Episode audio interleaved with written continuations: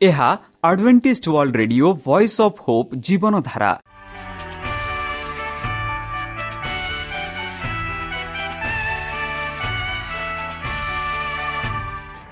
Odia radio କାର୍ଯ୍ୟକ୍ରମ ଯାହା ଆମର ଆନ୍ତର୍ଜାତୀୟ ଆଘାତ କେନ୍ଦ୍ରରୁ ପ୍ରସାରଣ କରାଯାଉଛି ପ୍ରତିଦିନ ରାତି ନଅଟା ତିରିଶ ମିନିଟ୍ରେ। ମୁଁ ସୁବ୍ରତ କୁମାର ପତି ପ୍ରେମର ସହ ଆପଣମାନଙ୍କୁ ଏହି କାର୍ଯ୍ୟକ୍ରମକୁ ସ୍ୱାଗତ କରୁଅଛି। ଚାଲନ୍ତୁ ଆଜିର ତିରିଶ ମିନିଟ୍ର କାର୍ଯ୍ୟକ୍ରମ ବିଷୟରେ ଜାଣିନେବା। ପ୍ରଥମେ ରଖିଛୁ ଆଧ୍ୟାତ୍ମିକ ଭକ୍ତିମୟ ଗୀତ। ଏହାପରେ ଶୁଣିବା ସ୍ୱାସ୍ଥ୍ୟ ବିଷୟରେ ଭକ୍ତଙ୍କଠାରୁ ଜୀବନଦାୟକ ଈଶ୍ୱରଙ୍କ ବାକ୍ୟ। ପ୍ରିୟ ଶ୍ରୋତା ତାହେଲେ ଚାଲନ୍ତୁ ଶୁଣିବା ଏକ ଆଧ୍ୟାତ୍ମିକ ଭକ୍ତିମୟ ଗୀତ। ଏହାପରେ ଶୁଣିବା ସ୍ୱାସ୍ଥ୍ୟ ସୂଚନା।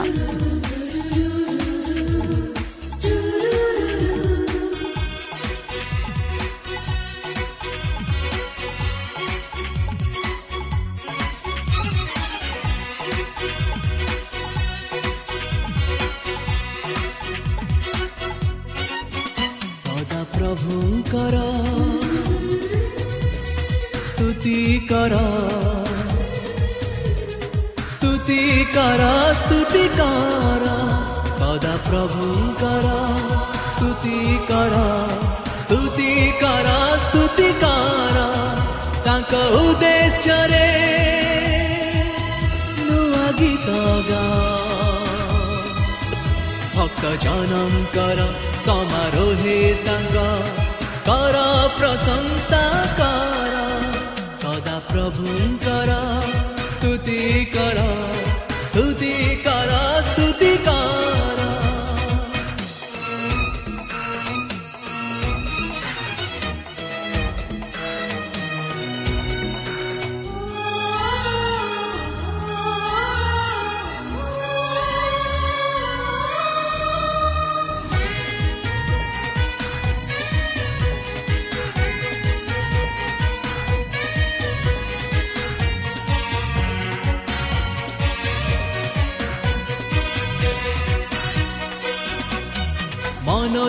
ଯେତେ ଆନନ୍ଦ କରନ୍ତୁ ନିର୍ମାଣ କର୍ତ୍ତାଙ୍କ ଠାରେ ସିଓନ ନିବାସୀ ଉଲ୍ଲାସ କରନ୍ତୁ ରାଜାଙ୍କର ନିକଟରେ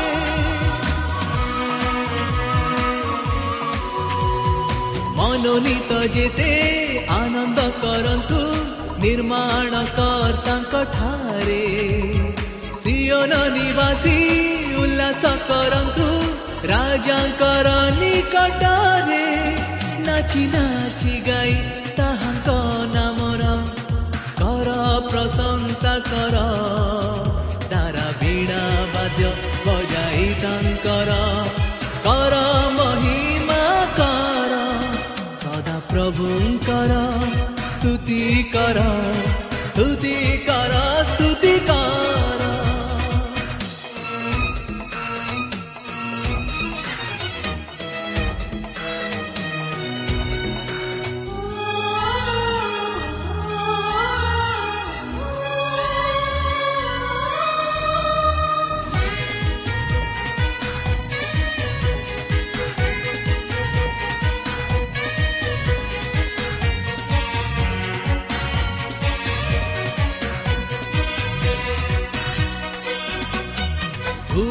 ପ୍ରସନ୍ନ ଦେଖି ସେ ନିଜର ଯେତେ ତାଙ୍କ ମନୋନୀତ ସରଳାଚାରୀଙ୍କୁ ଦେଇ ପରିତ୍ରାଣ କରନ୍ତି ସେ ସୁଶୋଭିତ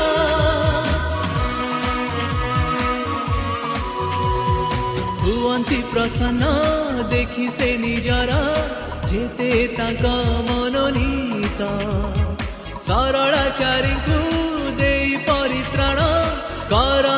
କରନ୍ତି ସେ ସୁଶୋଭିତ ଜାଗି ରହି ସଦା ତାହାଙ୍କ ନାମର କର ପ୍ରଶଂସା କର ଉଚ୍ଚ ସ୍ୱରେ ପ୍ରଭୁ ପରମେଶ୍ୱରଙ୍କ କର ଗୌରବ କର ସଦା ପ୍ରଭୁଙ୍କର ସ୍ତୁତି କର ସ୍ତୁତି କର ସ୍ତୁତି କର ସଦା ପ୍ରଭୁଙ୍କର ସ୍ତୁତି କର ସ୍ତୁତି କର ସ୍ତୁତି କର ତାଙ୍କ ଉଦ୍ଦେଶ୍ୟରେ ନୂଆ ଗୀତ ଭକ୍ତ ଜନଙ୍କର ସମାରୋହେ ତାଙ୍କ କର ପ୍ରଶଂସା କର ସଦା ପ୍ରଭୁଙ୍କର ସ୍ତୁତି କର ସ୍ତୁତି କର ସ୍ତୁତି କର ଆମ ଠିକଣା Adventist Media Center SDA mission compound Salisbury Park Pune ଚାରି ଏକ ଏକ ଶୂନ ତିନି ସାତ ମହାରାଷ୍ଟ୍ର। ବା ଖୋଲନ୍ତୁ ଆମର ୱେବସାଇଟ୍ ଯେକୌଣସି Android phone smartphone desktop laptop କିମ୍ବା ଟ୍ୟାବ୍ଲେଟ୍ ଆମର website W W W dot A W R dot O R G slash O R I ଏବଂ W W W dot Adventist Media Center India dot O R G Adventist Media Center ଇଣ୍ଡିଆର spelling ହେଉଛି A D N T I S T M E D I A C E N T R E I N D I A ବର୍ତ୍ତମାନ ଚାଲନ୍ତୁ ଶୁଣିବା ଈଶ୍ୱରଙ୍କ ଭକ୍ତଙ୍କଠାରୁ ଈଶ୍ୱରଙ୍କ ଜୀବନଦାୟକ ବାକ୍ୟ।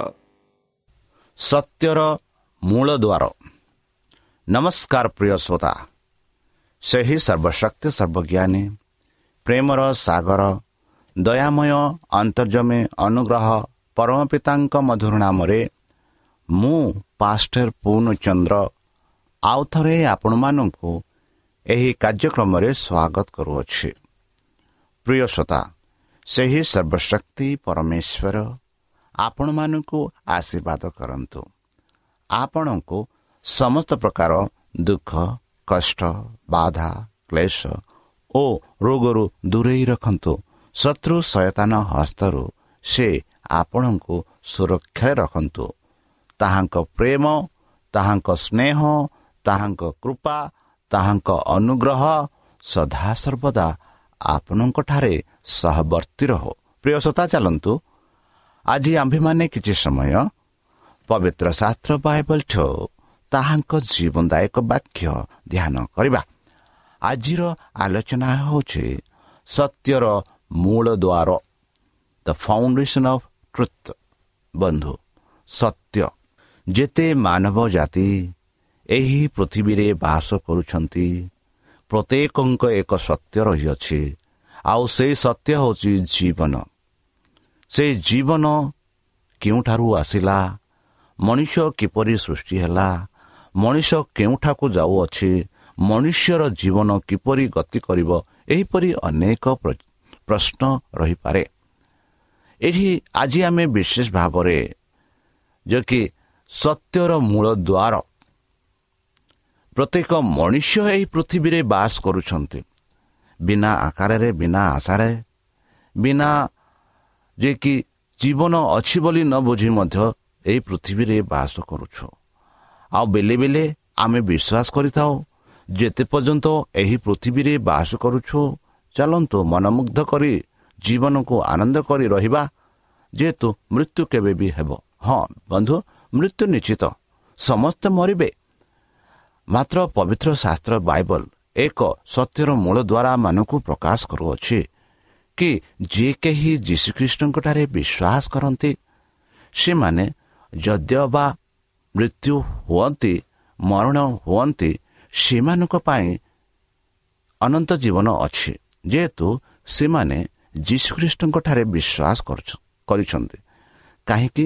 ଯେହେତୁ ଯୀଶୁଖ୍ରୀଷ୍ଟ ନିଜେ ମୃତ୍ୟୁବରଣ କରିଥିଲେ ଆଉ ସେ ମୃତ୍ୟୁରେ ସେହିପରି ରହିଲେ ନାହିଁ ବରଂ ସେଇ ମୃତ୍ୟୁରୁ ସେ ଜି ଉଠିଲେ ମାନେ ମୃତ୍ୟୁରୁ ସେ ବିଜୟ ଲାଭ କଲେ ମାନେ ପ୍ରତ୍ୟେକ ବିଶ୍ୱାସୀ ଯେ କେହି ଯୀଶୁଖ୍ରୀଷ୍ଟଙ୍କଠାରେ ବିଶ୍ୱାସ କରେ।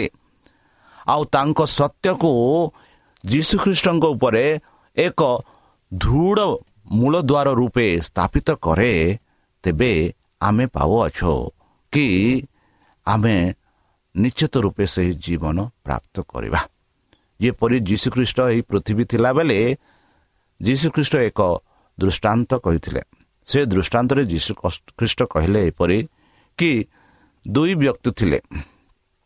ସେଇ ଦୁଇ ବ୍ୟକ୍ତିମାନଙ୍କ ମଧ୍ୟରେ ଜଣେ ମୂର୍ଖ ଜଣେ ଜ୍ଞାନୀ।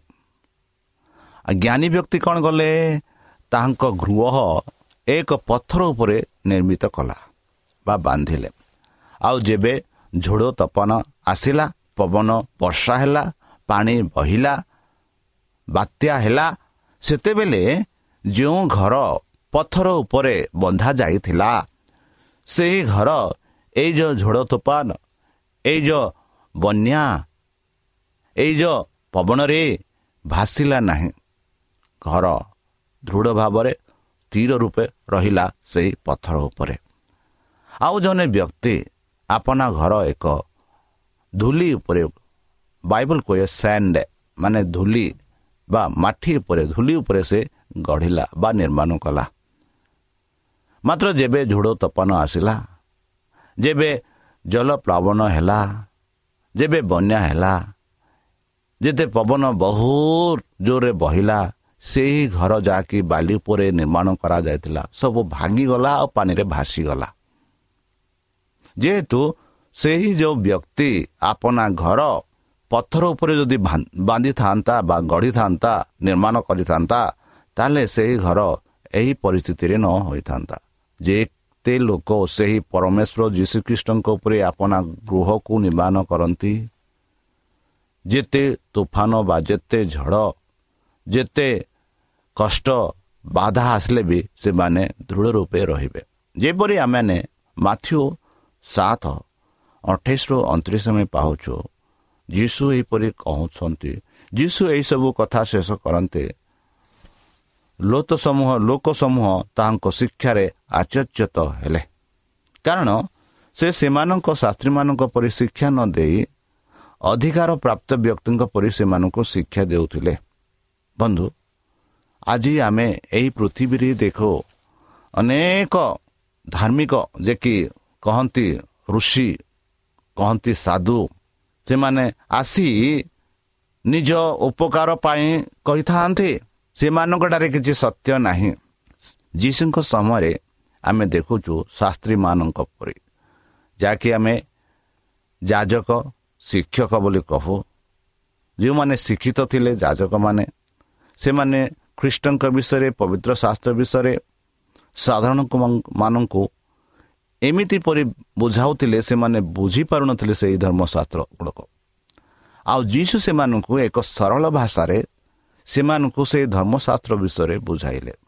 ଆଉ ସେମାନେ ବୁଝିଲେ ଆଉ ତାଙ୍କ ଶିକ୍ଷାରେ ସେମାନେ ଆଶ୍ଚର୍ଯ୍ୟଜନକ ହେଲେ ବୋଲି ପବିତ୍ର ଶାସ୍ତ୍ର ବାଇବଲ ଆମମାନଙ୍କୁ କହୁଅଛି। ପ୍ରଥମ କରନ୍ତି ତିନି ଏଗାରରେ ଆମେ ପାଉ ବନ୍ଧୁ କାରଣ ଯେଉଁ ଭିତ୍ତିମୂଳ ସ୍ଥାପିତ ହୋଇଅଛି ତାହା ବ୍ୟତୀତ ଅନ୍ୟ ଭିତ୍ତିମୂଳ କେହି ସ୍ଥାପନ କରିପାରେ ନାହିଁ। ସେହି ଭିତ୍ତିମୂଳ ଯୀଶୁଖ୍ରୀଷ୍ଟ। ବନ୍ଧୁ ଯେଉଁ ଭିତ୍ତିମୂଳ ଯୀଶୁଖ୍ରୀଷ୍ଟ ସ୍ଥାପିତ କରିଛନ୍ତି ଏହି ପୃଥିବୀରେ ସେହି ଭିତ୍ତିମୂଳ କେହି ବି ସ୍ଥାପିତ କରିନାହାନ୍ତି। ଯେହେତୁ ଏହାର କାରଣ ହେଉଛନ୍ତି କାରଣ ହେଉଛି କି ଯୀଶୁଖ୍ରୀଷ୍ଟ ହିଁ ଜୀବନ। ସେ ହିଁ ସତ୍ୟ ସେହି ପଥ ସେହି ମାର୍ଗଦର୍ଶନ ସେହି ଜୀବନ। ଆଉ ସେ ଏମିତି ସତ୍ୟ ସ୍ଥାପିତ କରିଛନ୍ତି ଏମିତି ଭିତ୍ତିମୂଳ ସ୍ଥାପନ କରିଛନ୍ତି। ଆଉ ପୃଥିବୀରେ କେହି ବି ସେହିପରି ସ୍ଥାପନ କରିନାହାନ୍ତି। ଏକ ଦୁଇ କାରଣ ଯୀଶୁ ପ୍ରଭୁ ମୃତ୍ୟୁରୁ ବିଜୟ କରିଛନ୍ତି।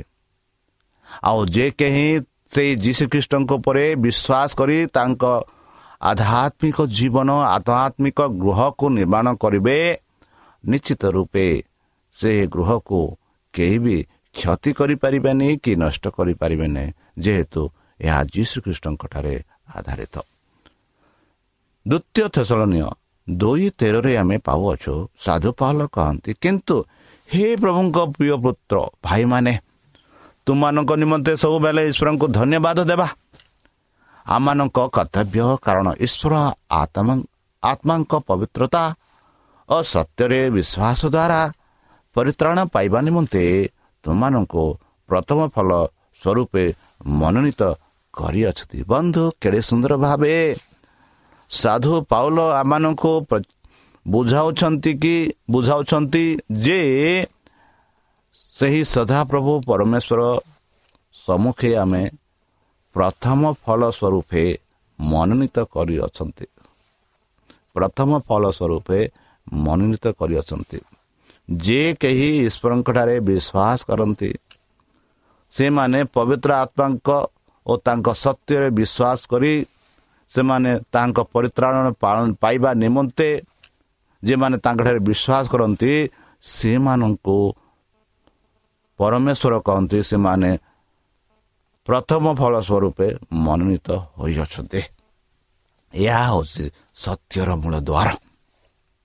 ବନ୍ଧୁ ଯଦି ଆପଣମାନେ ଯୀଶୁଖ୍ରୀଷ୍ଟଙ୍କୁ ବିଶ୍ୱାସ କରୁଛନ୍ତି ଯୀଶୁଖ୍ରୀଷ୍ଟଙ୍କ ଆପଣ ତ୍ରାଣକର୍ତ୍ତା ଉଦ୍ଧାରକର୍ତ୍ତା ରୂପେ ବିଶ୍ୱାସ କରୁଛନ୍ତି ତାହେଲେ ଆପଣମାନେ ପ୍ରଥମ ଫଳ ସ୍ୱରୂପେ ମନୋନୀତ ହୋଇଅଛନ୍ତି। ତିତସ୍ ଦୁଇ ଏକ ସାତରେ ଆମେ ପାଉଅଛୁ କିନ୍ତୁ ତୁମ୍ଭେ ହିତଜନକ ଶିକ୍ଷାର ଉପଯୁକ୍ତ କଥା କୁହା ତୁମ୍ଭେ ନିଜେ ଆପଣ ଆଚରଣରେ ଉତ୍ତମତାର ଆଦର୍ଶ ଦେଖାଅ ଦେଖାଅ ଶିକ୍ଷାରେ ଅକୃତ୍ରିମ ଓ ଗଭୀର ଭାବ ଏବଂ ହିତଜନକ ଆଖଣ୍ଡନୀୟ ବାକ୍ୟ ପ୍ରକାଶ କର ବୋଲି ଯେବେ ଆମେ ଯୀଶୁଖ୍ରୀଷ୍ଟଙ୍କୁ ଗ୍ରହଣ କରୁ ତେବେ ଆମ ଜୀବନ ଆମ ଆଚରଣ ଆମ କଥା ଆମ ବାର୍ତ୍ତା ଆମ ଜୀବନରେ ଯାହା ଆମେ କରୁଛୁ ସେହି କାର୍ଯ୍ୟରେ ଆମେ ଯୀଶୁଖ୍ରୀଷ୍ଟଙ୍କୁ ଆଦର୍ଶ ଯୀଶୁଖ୍ରୀଷ୍ଟଙ୍କ ଆଦର୍ଶ ଆଉ ତାଙ୍କ ଆଦର୍ଶକୁ ଆମେ ପ୍ରଦର୍ଶନ କରିବାକୁ ହେବ। ତାହା ହେଉଛି ମୂଳଦ୍ୱାର ବନ୍ଧୁ ଯେପରି ଦ୍ୱିତୀୟ ତିମତି ଚାରି ଏକ ଟୁ ଚାରିରେ ଆମେ ପାଉଛୁ ଏହିପରି କି ମୋ ଈଶ୍ୱରଙ୍କ ସାକ୍ଷାତରେ ଆଉ ଯେଉଁ ଖ୍ରୀଷ୍ଟ ଯୀଶୁ ଜୀବିତ ଓ ମୃତ୍ୟୁ ଉଭୟଙ୍କର ବିଚାର କରିବାକୁ ଯାଉଅଛି। ତାହାଙ୍କ ସାକ୍ଷାତର ପୁଣି ତାହାଙ୍କ ପୁନର୍ଗାମନ ଓ ରାଜ୍ୟର ଶପଥ ଦେଇ ତୁମକୁ ଦୃଢ଼ ଆଜ୍ଞା ଦେଉଅଛି। ବନ୍ଧୁ ଯୀଶୁଖ୍ରୀଷ୍ଟ ବର୍ତ୍ତମାନ ସ୍ୱର୍ଗରେ ଅଛନ୍ତି। ଆଉ ଯୀଶୁଖ୍ରୀଷ୍ଟ ଜୀବିତ ଓ ମୃତ୍ୟୁ ଉଭୟଙ୍କର ବିଚାର କରିବାକୁ ଯାଉଛନ୍ତି। ଯେତେ ଲୋକ ବର୍ତ୍ତମାନ ପୃଥିବୀରେ ଅଛନ୍ତି ଜୀବିତ ଅଛନ୍ତି ଆଉ ଯେତେ ଲୋକ ପୃଥିବୀରେ ନାହାନ୍ତି ମରଣ ହୋଇଛନ୍ତି ଆଉ ସେମାନଙ୍କ ଜୀବନ ସମୟରେ ଯାହା ଯାହା ଭଲ କାମ କରିଛନ୍ତି ଯାହା ଯାହା ଖରାପ କାମ କରିଛନ୍ତି। ସେମାନଙ୍କ ଜୀବନରେ କିପରି ଖ୍ରୀଷ୍ଟଙ୍କୁ ବ୍ୟବହାର କରିଛନ୍ତି। ସେମାନଙ୍କ ଜୀବନରେ କିପରି ଖ୍ରୀଷ୍ଟଙ୍କ ବିଷୟରେ ଅନ୍ୟମାନଙ୍କୁ ଆକାଶିତ କରିଅଛନ୍ତି। ଯଦି ସେମାନେ ଆକାଶିତ କରିଛନ୍ତି ସେହି ହିସାବରେ ସେମାନଙ୍କୁ ବିଚାର କରାଯିବ। ଆଉ ବର୍ତ୍ତମାନ ଯେତେ ଲୋକ ବର୍ତ୍ତମାନ ବଞ୍ଚିଛନ୍ତି ଆଉ ଯେବେ ଯୀଶୁଖ୍ରୀଷ୍ଟ ଆସିବେ ସେତେବେଳେ ଯଦି ଆମେ ବଞ୍ଚିଥାଉ ଆଉ ଆମେ ସ୍ୱର୍ଗରାଜକୁ ଯିବା ସେତେବେଳେ ପରମେଶ୍ୱରଙ୍କ ସମ୍ମୁଖରେ ଆମମାନଙ୍କୁ ବିଚାର କରାଯିବ ସେମାନଙ୍କୁ ବିଚାର କରାଯିବ। ଉଭୟ ମୃତ୍ୟୁ ଏବଂ ଜୀବିତମାନଙ୍କୁ ପରମେଶ୍ୱର ବିଚାର କରିବେ।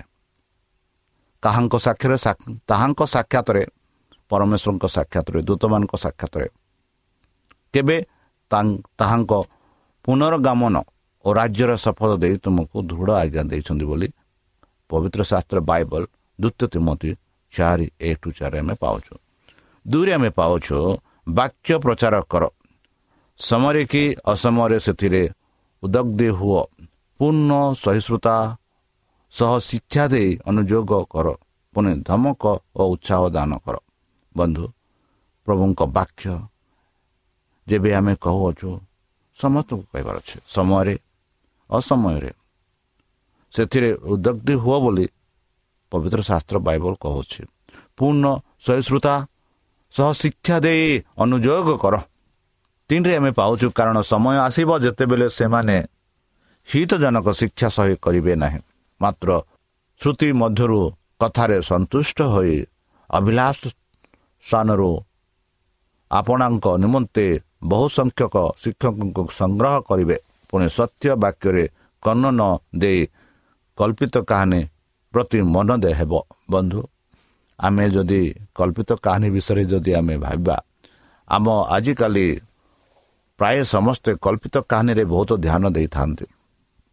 ଆଉ ଯେ କଳ୍ପତି କଳ୍ପିତ କାହାଣୀ ବହୁତ ମାନେ ଆକାଶିତ ହୋଇଥାଏ ଆଉ ବହୁତ ଶୁଣିବା ପାଇଁ ମଧ୍ୟ କାନକୁ ସୁନ୍ଦର ହୋଇଥାଏ। ମାତ୍ର ସେହି ସବୁ କଳ୍ପିତ କାହାଣୀ ସବୁ ଏକ ସତ୍ୟ କାହାଣୀ ନୁହେଁ ଯାହା ଆମେ ପ୍ରେକ୍ସନ୍ କହୁଅଛୁ ଯାହାକି କେବେ ବି ଘଟିନଥାଏ ନ ଘଟିବା ଜିନିଷକୁ ତାକୁ ମନରେ କଳ୍ପନା କରିଥାଇ କାହାଣୀ କରିଥାଉ। ସେହିପରି କଳ୍ପନା ହୋଇଯାଏ ଯଦି ଆମେ ସେମାନଙ୍କୁ ସମୟରେ କି ଅସମୟରେ ଯଦି ଶିକ୍ଷା ନ ଦେବା ପବିତ୍ର ଶାସ୍ତ୍ର ବିଷୟରେ ନ କହିବା ତେବେ ଏହି ଯେଉଁ ଆମ ଶିକ୍ଷା ସବୁ ସେମାନଙ୍କ ପାଇଁ ଏକ କଳ୍ପିତ କାହାଣୀ ପ୍ରତି ମନେ ହେବ ବୋଲି ସାଧୁ ପାଲ କହୁଛନ୍ତି। ବନ୍ଧୁ ଦ୍ୱିତୀୟ ଶେଷଲୀୟ ଦୁଇ ଦଶରୁ ବାର ଆମେ ପାଉଛୁ। କାରଣ ପରିତ୍ରାଣ ପ୍ରାପ୍ତ ହେବା ନିମନ୍ତେ ସେମାନେ ସତ୍ୟ ପ୍ରତି ଶ୍ରଦ୍ଧାଭାବ ବହି ନାହାନ୍ତି। ବନ୍ଧୁ ଶ୍ରଦ୍ଧାଭାବ ଏକ ଶ୍ରେଷ୍ଠ କଥା ଯାହାକି ଆମେ ପବିତ୍ର ଶାସ୍ତ୍ର ବାଇବଲ ପଢ଼ିଲା ବେଳେ ବାଇବଲ କୁହେ କି ଯଦି ଆମେ ପବିତ୍ର ଶାସ୍ତ୍ର ବାଇବଲ ପଢ଼ୁ ସେତେବେଳେ ପ୍ରାର୍ଥନାରେ ଧୀରେ ବେଳେ ବେଳେ ଆମେ ପବିତ୍ର ଶାସ୍ତ୍ର ବାଇବଲ ପଢ଼ିଥାଉ ଯେପରିକି ସାଧାରଣ ପୁସ୍ତକ ପଢ଼ୁଅଛୁ ସାଧାରଣ ବହି ଆମେ ପଢ଼ୁଅଛୁ। ମାତ୍ର ପବିତ୍ର ଶାସ୍ତ୍ର ପଢ଼ିଲା ବେଳେ ଶ୍ରଦ୍ଧାତା ଥିବାର ଶ୍ରଦ୍ଧା ଭାବ ରହିବାର ଅଛି। ଆଉ ସେ ଶ୍ରଦ୍ଧା ଭାବରେ ଯେବେ ପଢ଼ିବା ମନ ଆତ୍ମା ଜ୍ଞାନ ଦେଇ ପଢ଼ିବା ସେହି ପବିତ୍ର ଶାସ୍ତ୍ର ବାଇବଲ। ସେତେବେଳେ ଆମେ ବୁଝିବା ଆଉ ଯେବେ ଆମେ ବୁଝିବା ତାହା ହେଉଛି ମୂଳ ଦ୍ୱାର ବୋଲି ଆମେ ଜାଣିବା। ଯେହେତୁ ଏହା ବୁଝିବା ଦ୍ୱାରା ଈଶ୍ୱରଙ୍କର ପରିତ୍ରାଣ ବିଷୟରେ ଆମେ ଜାଣିପାରିବା। ଆଉ ଏଥିସକାଶେ ସେମାନେ ଯେପରି ମିଥ୍ୟାରେ ବିଶ୍ୱାସ କରନ୍ତି ସେଥି ନିମନ୍ତେ ଈଶ୍ୱର ସେମାନଙ୍କ ନିକଟକୁ ଭ୍ରାନ୍ତଜନକ ଶକ୍ତି ପ୍ରେରଣ କରନ୍ତି। ଯେପରିକି ଯେଉଁମାନେ ସତ୍ୟରେ ବିଶ୍ୱାସ ନ କରି ଅଧର୍ମରେ ସନ୍ତୁଷ୍ଟ ହୋଇଛନ୍ତି ସେମାନେ ସମସ୍ତେ ପ୍ରାପ୍ତ ହୁଅନ୍ତି ବୋଲି ଆମେ ସାଧୁପାଲ ଦ୍ୱାରା ଆମେ ପାଉଛୁ। ବନ୍ଧୁ ହିତପଦେଶ ଅଠେଇଶ ନଅରେ ଆମେ ଦେଖାଉଛୁ ଯେଉଁ ଲୋକ ବ୍ୟବସ୍ଥା ଶୁଣିବାକୁ ଆପଣା କର୍ଣ୍ଣ ଫେରାଏ ତାହାର ପ୍ରାର୍ଥନା ହିଁ ଘୃଣର ବିଷୟ ହୁଏ। ବନ୍ଧୁ ବ୍ୟବସ୍ଥା ଶୁଣିବାର ଆପଣା କର୍ଣ୍ଣ ଫେରାଏ ମାନେ ଯେବେ ବ୍ୟବସ୍ଥା ବିଷୟରେ କୁହାଯାଉଛି ସେ ଶୁଣେ ନାହିଁ। ଆଉ ଯେବେ ସେ ଶୁଣେ ନାହିଁ ଆଉ ଯେବେ ସେ ପ୍ରାର୍ଥନା କରେ ତାଙ୍କ ପ୍ରାର୍ଥନା ଈଶ୍ୱରଙ୍କ ସମ୍ମୁଖରେ ଏକ ଘୃଣାର ବିଷୟ ବୋଲି ଆମେ ପାଉଅଛୁ। ପ୍ରତି ମଧ୍ୟ ଚାରି ସ୍ୱରରେ ଦେଖାଉଛୁ ଆପଣା ବିଷୟରେ ଓ ଆପଣା ଶିକ୍ଷା ବିଷୟରେ ସତର୍କ ହୁଅ ଏହି ସମସ୍ତ ବିଷୟରେ ଲାଗି ରୁହ କାରଣ ତାହା କଲେ ତୁମେ ଆପଣା ପରିତ୍ରାଣ ଓ ତୁମର ଶ୍ରୋତାମାନଙ୍କ ପରିତ୍ରାଣ ମଧ୍ୟ ସାଧନ କରିବ ବନ୍ଧୁ। ଏହା ହେଉଛି ମୂଳଦୁଆର ଆମେ ଯେବେ ଶିକ୍ଷା ଦେବା ଯେବେ ଆମେ କହିବା ତାହା ଯେପରି ଦେବା ବେଳେ କହିବା ବେଳେ ମଧ୍ୟ ଆମେ ସତର୍କ କହିବା। କିଛି ଭୁଲ ନ କହି କିଛି କଳ୍ପନା ନ ମିଶାଇ ଯାହା ଯାହା ପବିତ୍ର ଶାସ୍ତ୍ରରେ ଲେଖା ଅଛି ତାହା ଆମେ କହିବା।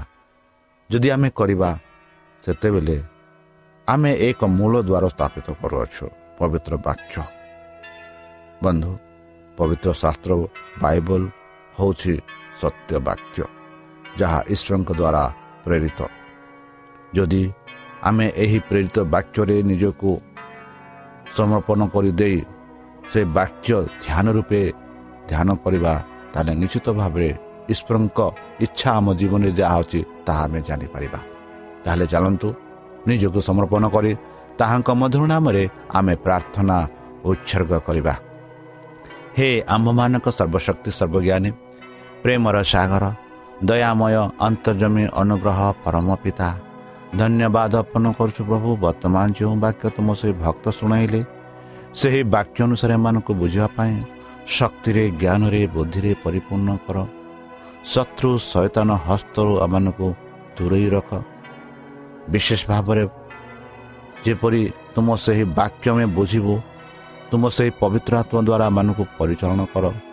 ଆଉ ପରିଶେଷ ଯେବେ ତୁମ୍ଭେ ତୁମ ସେହି ସହସ୍ରଦୂତଙ୍କ ସହ ଆପଣା ସାଧୁମାନଙ୍କୁ ସଂଗ୍ରହ କରିବା ନିମନ୍ତେ ଆସିବେ ହେ ପରମେଶ୍ୱର ସେତେବେଳେ ଏମାନଙ୍କୁ ଏକ ବାସ ସ୍ଥାନ ଦେ ବୋଲି ତ୍ରାଣକର୍ତ୍ତା ପ୍ରଭୁ ଯୀଶୁଙ୍କ ମଧୁରମୟ ନାମରେ ଏହି ଛୋଟ ବିକ୍ଷମ ଅଛି ତୁମେ ଗ୍ରହଣ କର।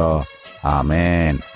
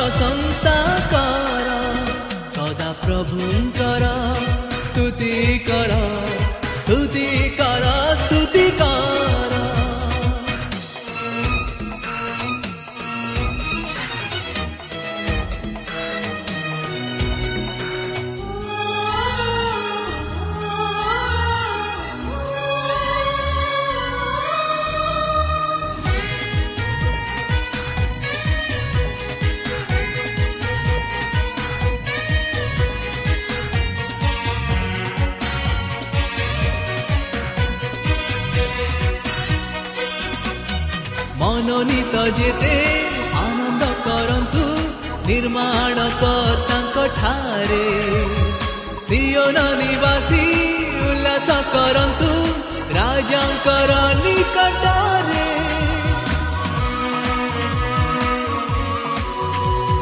ମନୋନୀତ ଯେତେ ଆନନ୍ଦ କରନ୍ତୁ ନିର୍ମାଣ କର୍ତ୍ତାଙ୍କ ଠାରେ ସିଓନ ନିବାସୀ ଉଲ୍ଲାସ କରନ୍ତୁ ରାଜାଙ୍କର ନିକଟରେ ନାଚି ନାଚି ଗାଇ ତାହାଙ୍କ ନାମର। କର ପ୍ରଶଂସା କର। ତାରା ବୀଣା ବାଦ୍ୟ ବଜାଇ ତାଙ୍କର। କର ମହିମା କର। ସଦା ପ୍ରଭୁଙ୍କର ସ୍ତୁତି କର।